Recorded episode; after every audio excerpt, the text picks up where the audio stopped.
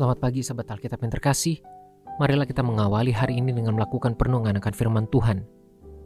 Bacaan Alkitab kita pada hari ini berasal dari kitab Lukas pasal yang keempat, ayat 1 sampai 8. Yesus yang penuh dengan roh kudus kembali dari sungai Yordan lalu dibawa oleh roh kudus ke padang gurun.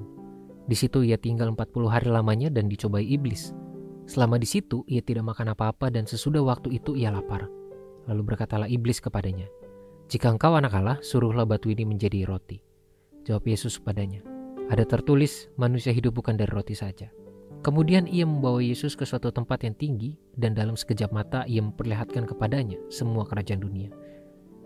Kata iblis kepadanya, Segala kuasa itu serta kemuliaannya akan kuberikan kepadamu, sebab semuanya itu telah diserahkan kepada aku, dan aku memberikannya kepada siapa saja yang kukendaki. Jadi jika engkau menyembah aku, seluruhnya itu akan menjadi milikmu.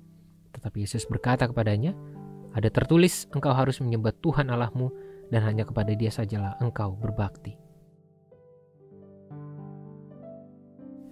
Kisah pencobaan Yesus di padang gurun memang diawali dengan narasi yang cukup mudah disalahpahami. Yakni seolah-olah roh kudus secara sengaja menjebak Tuhan Yesus untuk dicobai oleh iblis.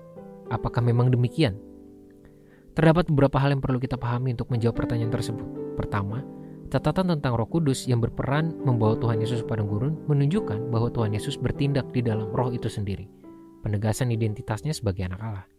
Kedua, masa 40 hari di padang gurun menjadi bentuk pengalaman yang begitu erat dengan bangsa Israel, yakni ketika mereka hidup dalam pengembaraan selama 40 tahun di padang gurun. Ketiga, Roh Kudus tidaklah menghadirkan iblis untuk mencobai Tuhan Yesus selama di padang gurun, melainkan iblis menggunakan kesempatan tersebut sebagai celah untuk mencobai Tuhan Yesus. Masa 40 hari di padang gurun menjadi sebuah proses persiapan dari Tuhan Yesus untuk memulai seluruh rangkaian pelayanan mesianiknya. Hal ini pun bukan tanpa makna yang mendalam. Sekali lagi, masa 40 hari itu melekat dengan masa 40 tahun pengembaraan bangsa Israel yang hidup mengembara di padang gurun dan tetap berada dalam perlindungan Tuhan. Hal ini pula yang tergambar secara jelas dalam kisah 40 hari kehidupan Tuhan Yesus di padang gurun. Iblis memang hadir dan menggunakan praktik berpuasa yang dilakukan oleh Tuhan Yesus sebagai celah untuk menjatuhkannya ke dalam dosa. Namun, keintiman relasi dan bimbingan dari Roh Kudus adalah tameng iman Yesus melawan semua cobaan tersebut. Sahabat Alkitab, kisah ini semestinya cukup untuk menyadarkan setiap umat Tuhan bahwa kehidupan ini penuh dengan segala bentuk pencobaan yang dapat menjatuhkan kita ke dalam dosa. Hal ini bukan serta-merta kita harus membenci kehidupan maupun membenci dunia. Justru, kita perlu maknai seluruh kehidupan ini sebagai proses kehidupan, pengembaraan yang membutuhkan ketahanan uji sebagai umat percaya. Kita tidak perlu khawatir atas semua kemungkinan hadirnya iblis yang selalu berupaya untuk menghancurkan relasi dan iman kita kepada Tuhan. Kehadiran Roh Kudus yang selalu memberikan bimbingan dan kintiman relasi dengan Tuhan adalah pertahanan untuk menghadapi berbagai model pencobaan. Marilah kita berdoa.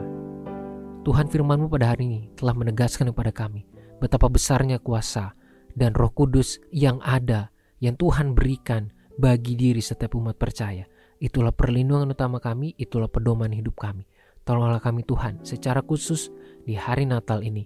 Biarlah kami selalu dapat meresapi betapa baiknya Engkau, betapa besarnya Engkau, betapa berkuasanya Engkau, dan betapa kasihmu begitu nyata dalam kehidupan kami. Biarlah kelahiran Yesus Kristus yang kami rayakan pada hari ini boleh terus kami maknai sepanjang kehidupan kami, bahwa kami menjalani hidup kami bersama-sama dengan Tuhan yang nyata dalam kehidupan kami. Hanya di dalam nama Tuhan Yesus Kristus kami berdoa dan bersyukur. Amin.